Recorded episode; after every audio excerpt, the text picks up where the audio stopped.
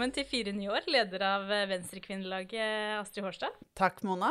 Du har jo tidligere vært eh, både politisk rådgiver for klima- og miljøvernminister Ola Elvestuen, og du er folkevalgt i Bergen og i Vestland, og har vært eh, aktiv i Venstre både på denne sida og den andre sida av fjella. Eh, hvorfor var det du valgte å melde deg inn i Venstre i sin tid? Nei, altså, Jeg har alltid vært opptatt av politikk. Um, hjemme på veggen så har jeg faktisk et bilde uh, av den første politiske saken som jeg lobba for. Uh, jeg var kanskje fem-seks år da. Uh, gikk i barnehagen, og vi fikk da besøk fra en politiker. Um, og da satte jeg meg tett, tett inntil han under hele middagen og fortalte at vi måtte ha gang- og sykkelvei. Ja. For det var jeg veldig opptatt av. Nei, så politikk har liksom alltid ligget der. Og så har jeg alltid vært veldig opptatt av klima og miljø. Um, vokste opp med foreldre som uh, jobber innenfor relevante yrker. Så da var det et par partier som var aktuelle. Men det som tiltrakk meg ved Venstre, var hele grunnsynet på mennesker. Det handla om hvordan man uh, setter mennesker foran systemer. Og at man ønsker å løfte opp de svakeste, men samtidig gi muligheter, og ikke heller være redd for å løfte frem de som er flinke. Og det var noe av det som tiltrakk meg og gjorde at jeg meldte meg inn i Venstre. Og da ble man jo ble fort tatt tak i og ble fort aktiv. Mm. Og du har jo jobba eh, som tidligere nevnt både mye med klima og miljø, men i dag er du også leder av Venstrekvinnelaget. Og hva er det dere jobber med? Ja, Venstrekvinnelaget var en uh, Det tok litt tid for meg at før jeg liksom oppdaga Venstrekvinnelaget. Um, både jeg og tidligere leder uh, Naomi Røkkum, vi, um, vi, var veldig skeptiske når vi var med i Unge Venstre.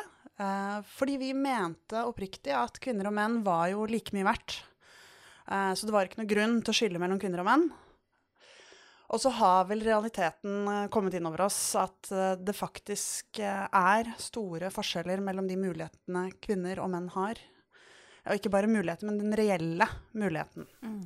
Så derfor så gikk jeg inn i Venstrekvinnelaget. Og det vi jobber for, det er jo at alle skal ha de samme mulighetene til å leve frie og gode liv. Eh, det er da uavhengig av kjønn, men også seksualitet, rase, alder. Eh, ja. Og så er det Det siste året så har vi jobba med mange ulike saker. Eh, det er økonomisk ulikhet, som jeg nevnte i stad. Et eksempel der er skjevhetene som rammer minstepensjonistene, som i all hovedsak er kvinner. Mm. Um, og så har vi jobbet mye med kvinner innen entreprenørskap. Um, noen av dem blir stempla som velferdsprofitører veldig fort når man uh, jobber med gründerskap innenfor helse- og omsorgsyrker. Um, og vern av voldsutsatte. Og der er det jo voldsutsatte grupper uh, i stor grad kvinner, men også menn og barn. Eh, så har vi nå siste tiden vært engasjert i flyktningsituasjonen i Moria. Eh, og transseksuelles eh, rettigheter. Men Venstre har jo egentlig en veldig lang eh, historie på, på likestillingsarbeid. Eh, det strekker seg 100 år tilbake, når, når, Venstre egentlig var ganske ferskt parti etter 1884, at, at, man begynte å ta tak i likestillingssaker. Hva ville du trukket fram som viktige sånne milepæler som du er ekstra stolt av at Venstre har gått i bresjen for? Jeg vil faktisk gå 150 år tilbake. Fordi, um, fordi det kan vi snart Ja, nesten, da.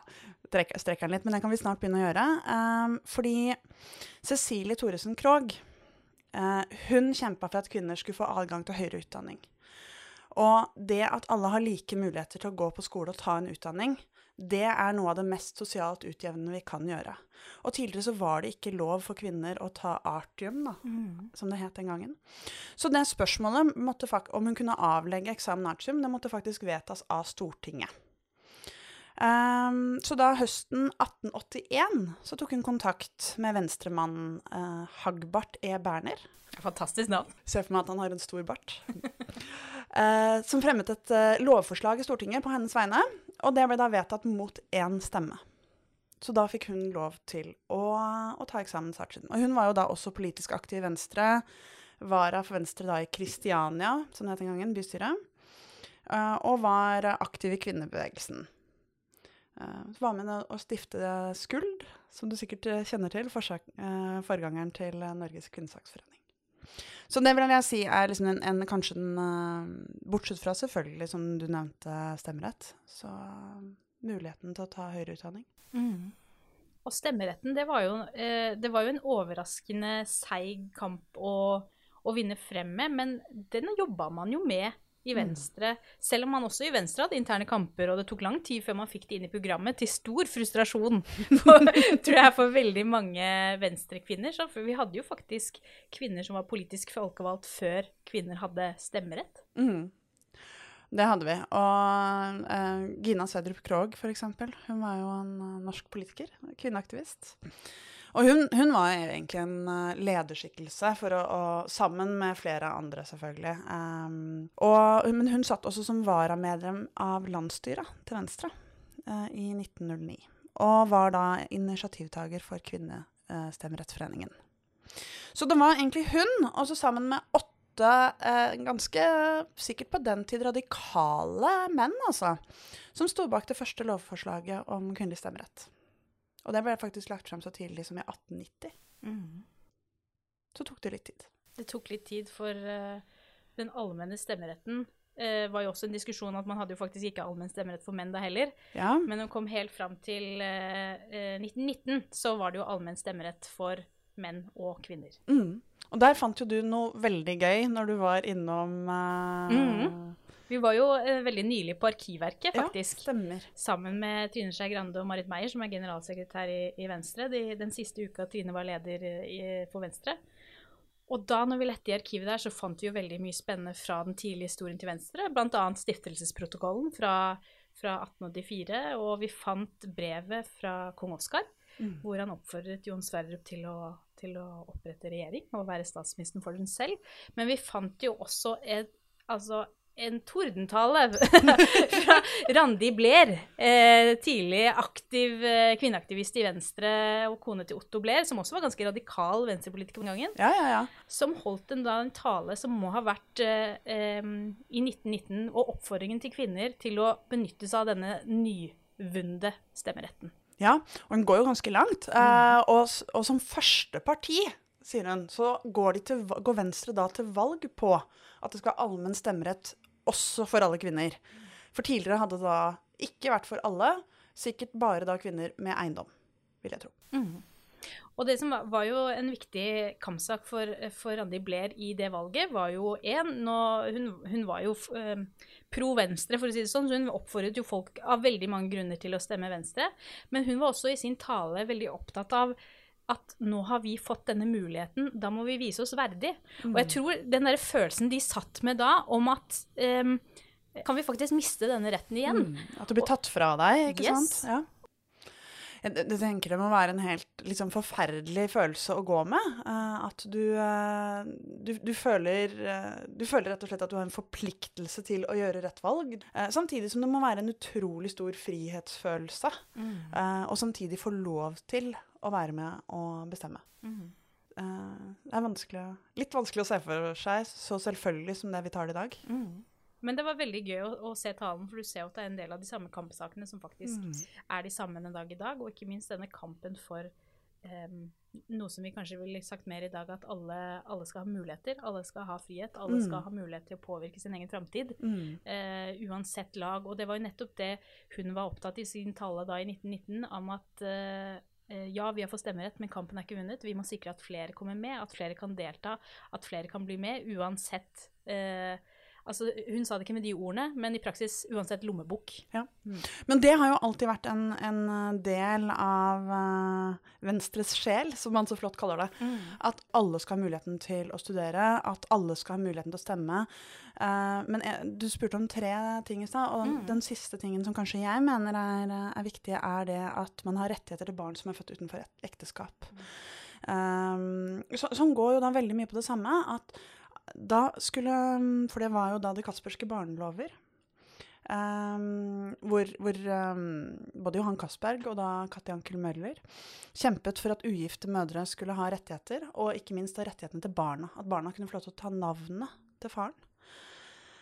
Um, og selvfølgelig da med det rett til arv, mm. som jo var kjempeviktig på den tiden. Mm. Så den kom jo da Ja, Den kom i 1915, eller ble iverksatt året etter, og ble vedtatt av landets første sosialminister, Johan Castberg. Men det er veldig spennende å se at dette var jo um, veldig radikalt forslag som også ble drevet fram av en mannlig politiker i en tid der kvinner ikke hadde stemmerett. Og det var jo ikke akkurat et populært forslag eh, denne tiden at eh, kvinner som hadde blitt gravid, plutselig kunne komme og kreve en rett av en mann. Det, det, ja, og det var jo en enorm skam. Um, og min bestemor er såkalt et uekte barn. Um, og det var en skam hun bar med seg gjennom hele livet. Mm. Uh, og som, som nok uh, opplevdes som en del av hennes identitet. Og det handla jo om, om, hvordan hele samfunnet så på deg. Ja. Uh, fra, altså, du blir oppdratt av noen andre enn dine egne foreldre, og hun ble satt bort. ikke sant? Altså, du, du er ikke et ekte barn. Eh, så det er klart De kasperske barnelover brøt veldig med både en del eh, hierarkiske strukturer i samfunnet, og, og var veldig, veldig viktig. Eh, også for å verne kvinner da, mot overgrep og veldig mange andre og konsekvensene av, av, den type Altså at, at, konsekvensene for en kvinne som da ufrivillig kanskje blir gravid i tidlig alder, så er det noe som på den tiden mer enn i dag, men også i dag, preger deg for resten av livet. Ja, så Én ting, ting, er jo da hvis du står på bar bakke for din egen og ikke har penger til deg sjøl, men når du da ikke har, når ungen ikke har lov til å ta faren sitt navn, ja, ikke har rett på arv så klart, da, da, er det vanskelig å komme seg opp. Én ting er for kvinnen, men enda vanskeligere kanskje for barnet. Mm. Og det er jo nettopp dette, dette peker jo også til en rød tråd som går fra egentlig den tidlige første reformen til Venstre med folkeskolen, hvor mm. alle skulle ha rett, alle barn skulle ha rett til å få gå på skolen, mm. så er dette eh, del to av å sette barn først, å sette mm. barns rettigheter først, og sikre, eh, sikre like muligheter til å skape sitt eget liv, på tross av hvilke kår man kommer fra.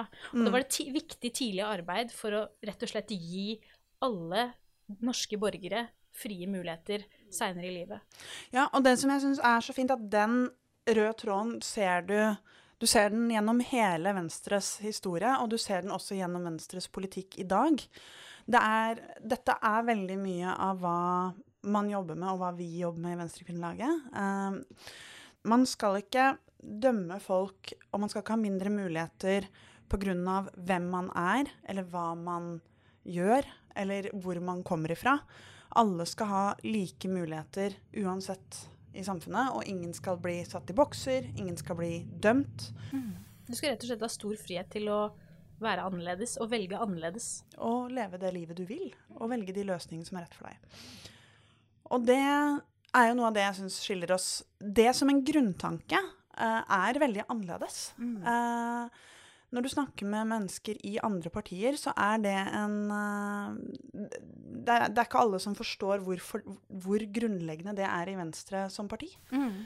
Ja, også den derre forskjellen mellom likhet og likeverd. Mm. Eh, at vi skal ha like muligheter, men det skal jo nettopp være friheten til å velge ulikt. Mm. Å velge ulike mål, ulike drømmer, ha ulike visjoner for livet ditt, og gå utenom boksen. Ja, og da setter du på en måte eh, mennesket i sentrum.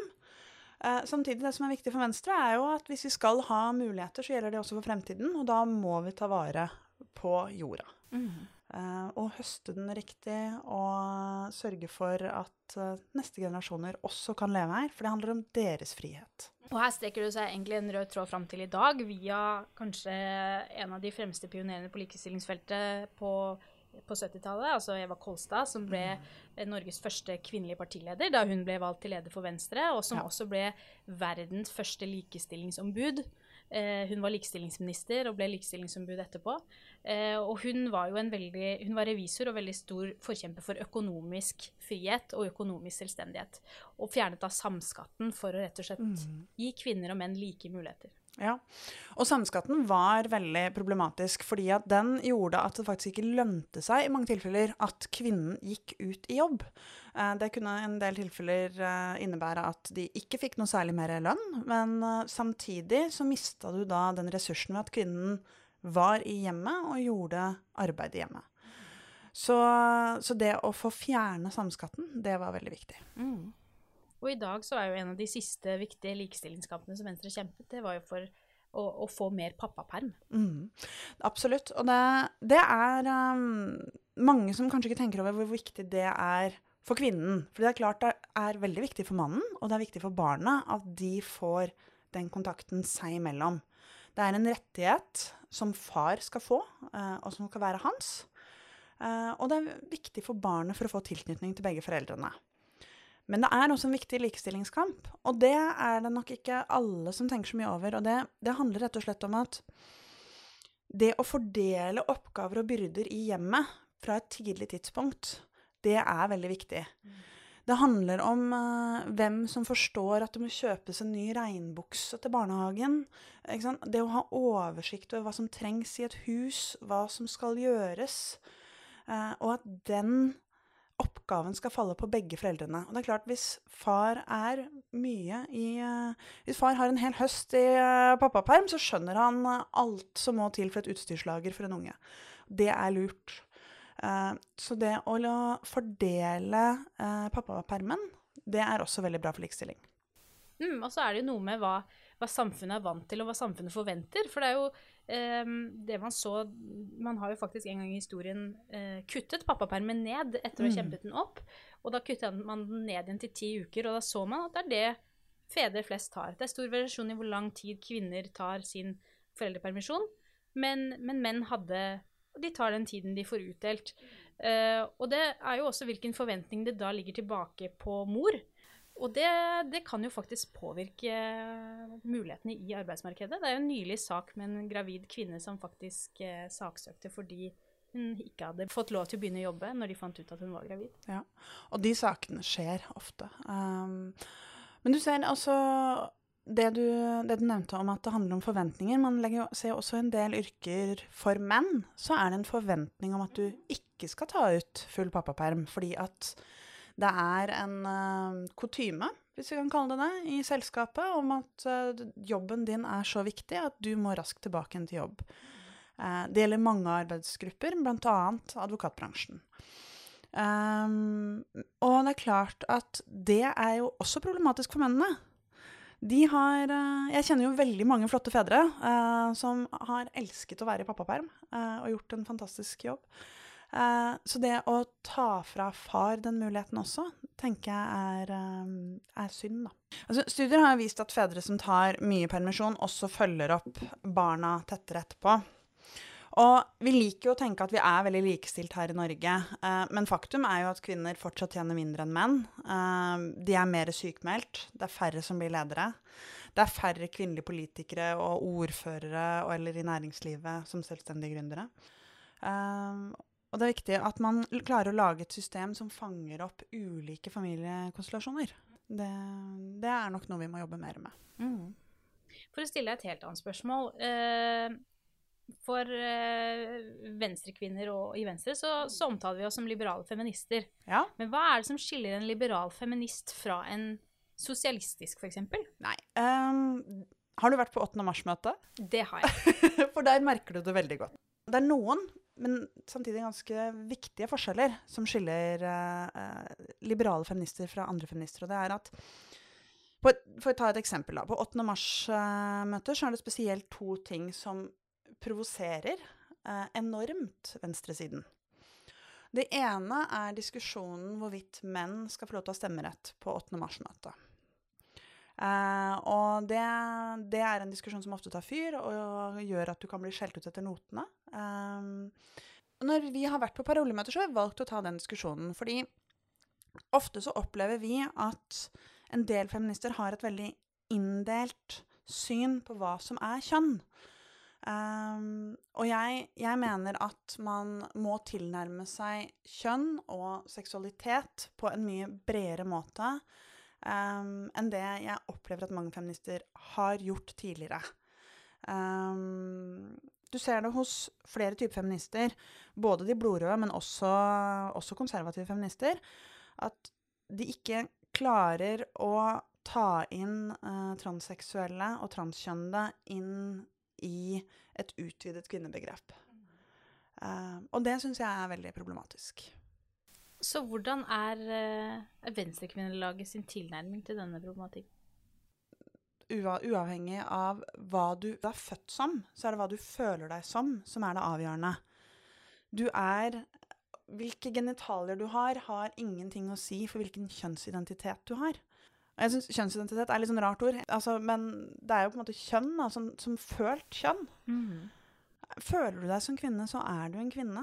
Ehm, og, og det å være villig til å slippe flere inn i flokken sin, det er noe som jeg opplever at en del feminister på begge sider ehm, ikke gjør lik, på, på lik linje som det liberale feminister gjør.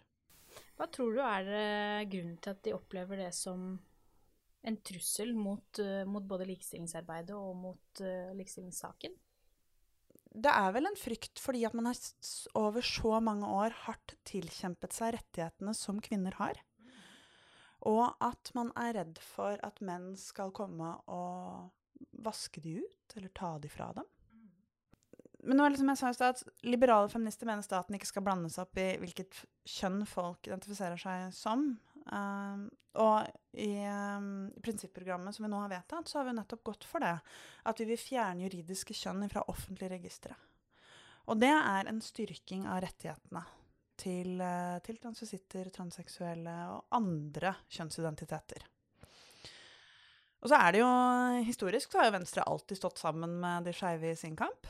Uh, toleranse og raushet er jo kjernen i Venstre og kjernen i den liberale feminismen. Og en ting som provoserte meg veldig eh, ved fjorårets eh, 8. mars-tog, det var jo eh, at Unge Venstre hadde jo en, en, en stor delegasjon som deltok i toget, eh, og opplevde å bli skjelt ut fordi de hadde en eh, plakat hvor det sto at sexarbeidere er mennesker, Ja. som ble revet i sund. Det er jo den andre store saken som virkelig setter fyr på 8. mars-møtene. Og der, eh, der har jo Venstre Altså Amanda Skei, tidligere leder av Venstrekvinnelaget, fikk jo noen, en ganske hard, eh, kommentarer. Um, det, det er en diskusjon eh, som um, blir enormt følelsesstyrt, og hvor man så, hvor, hvor det er, og, og det er veldig sterk følelse på hver sin side her. Men fra et liberalt feministisk utgangspunkt så kan du ikke forby noe bare fordi du mener det er umoralsk. Ehm, og så er det klart, uh, vi må ha gode systemer for å hjelpe de som er trafficking-ofre. De er, det er et problem. Ehm, og det er en del ofre i denne bransjen som er nødt til å bli tatt alvorlig. Men jeg tror ikke uh, at ved å forby en hel bransje, så fjerner du den. Det du gjør, er rett og slett at du sørger for at mye av altså, aktiviteten går under jorda. Hvor det er vanskelig å spore opp. Rettighetene eh, til disse kvinnene forsvinner. Systemene som kunne ha lig- ligget i bunn, blir borte. Tryggheten forsvinner. Så jeg tror at eh, Jeg tror det er bedre å ha en, eh, mer rettigheter til sexarbeidere. Men altså juridiske rettigheter. Altså hvis du er utsatt for vold, da. Overgrep. Eh, eller hvis du er fratatt passet ditt, blir ut, altså, utpressa for penger. Det er mange situasjoner som er eh, og kan være farlige um, i et uregulert marked som det der. Um, så Nei, så jeg har absolutt tro på at man bør i mye større grad tillate å regulere. Men det er jo, som Prosenteret har sagt her i, her i byen, så har det jo blitt et mye tøffere miljø for de prostituerte etter forbudet kom.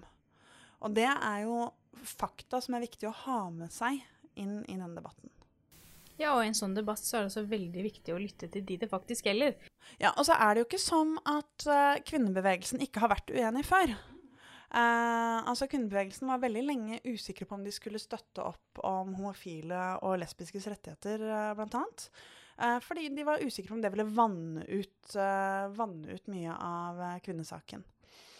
Eh, det var på 50-60-tallet. En veldig uh, gøyal serie, er Miss America, som du bør, eh, bør se om, om det der. Men, men det er jeg, jeg tror at eh, det å At Venstre tar det rommet som et uh, liberalt, raust parti som er opptatt av likestilling, det er viktig. Og jeg tror det er, som du sa, viktig at venstresiden ikke får definere feminisme.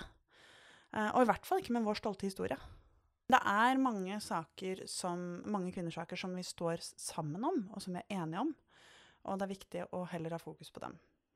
Og det skulle jeg ønske andre partier også hadde hatt interesse av. Det er klart at det er Når du møter opp på et parolemøte, og et, altså et av hovedparolene er at regjeringen må gå, uh, så, er det helt håpløs måte å prøve å samle en felles kvinnefront. Um, og det, det, mener jeg er eh, Jeg mener det er ødeleggende for kvinnesaken at man ikke fokuserer på de tingene som er um, ja, som er vanskelige, og så kan man heller gjøre det veldig sånn partipolitisk ytterliggående. Det syns jeg er unødvendig.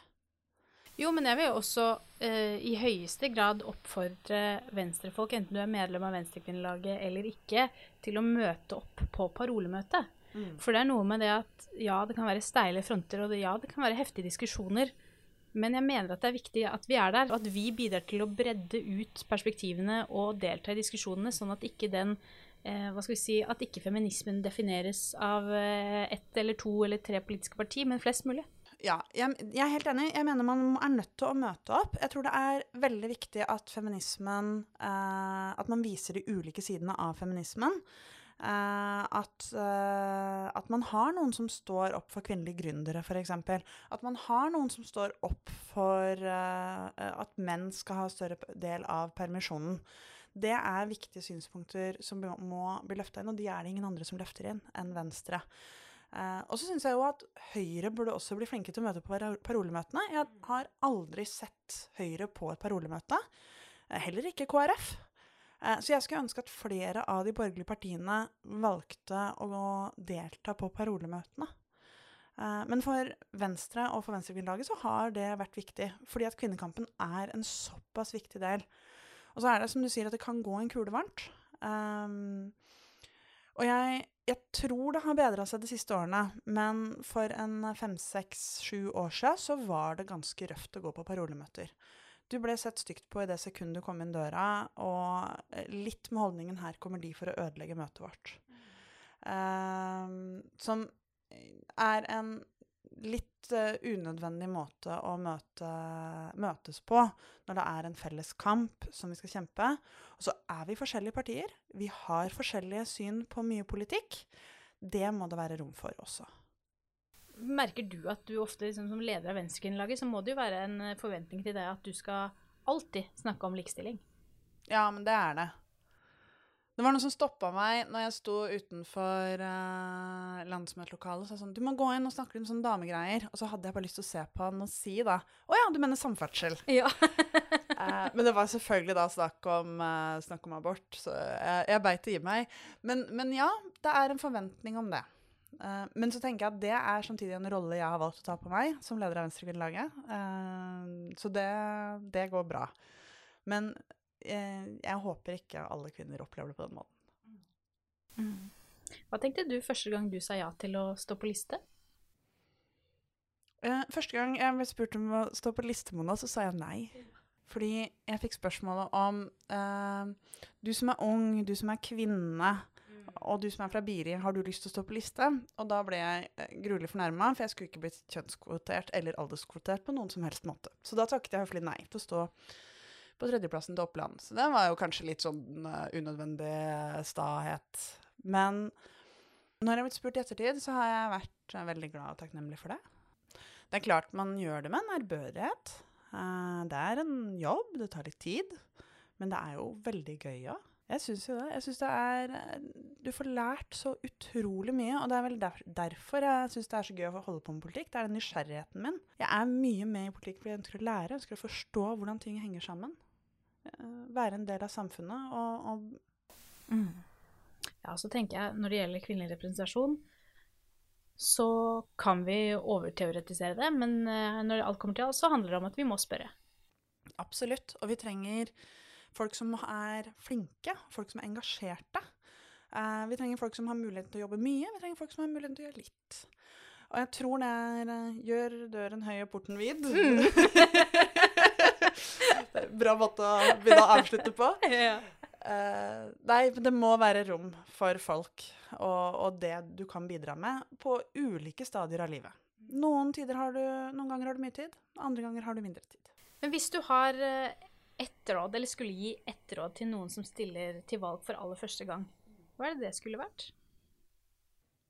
Hvis du har lyst, så må du bare kjøre på og ikke være redd. Og så er det klart eh, Det er veldig lett å si. Eh, det er man jo. Så du må spørre folk du stoler på, som du mener er flinke, om gode råd. Eh, og så må du lytte til de rådene du får. Og så må du ikke være redd for å ta en kamp og tape. Men du må heller ikke være redd for å ta en kamp og vinne. Det å ha ambisjoner på egne vegne, det er helt greit når du skal stille til valg, så tror jeg det er viktig å ikke tenke at du må være god på absolutt alt, for mye kan du lære på veien. Mm. Uh, du, det er mange ting du må øve på for å bli flink til det. Altså, du blir ikke flink til å lese kommunale sakspapirer før du har gjort det noen timer. det kan jeg love deg. Uh, eller budsjett. Altså, du må ha gjort alt uh, noen ganger før. Og det er helt greit å ikke ha gjort alt før du blir folkevalgt. Fordi det tenker i hvert fall en del menn. Uh, at eh, du skal bli valgt, og så skal du lære en del etter hvert. Uh, av, av, alle disse mikmak-tingene rundt. Men det er klart um, Det er viktig å være engasjert, det er viktig å ha driv. Uh, og det er viktig å ha nok tid til å kunne prioritere.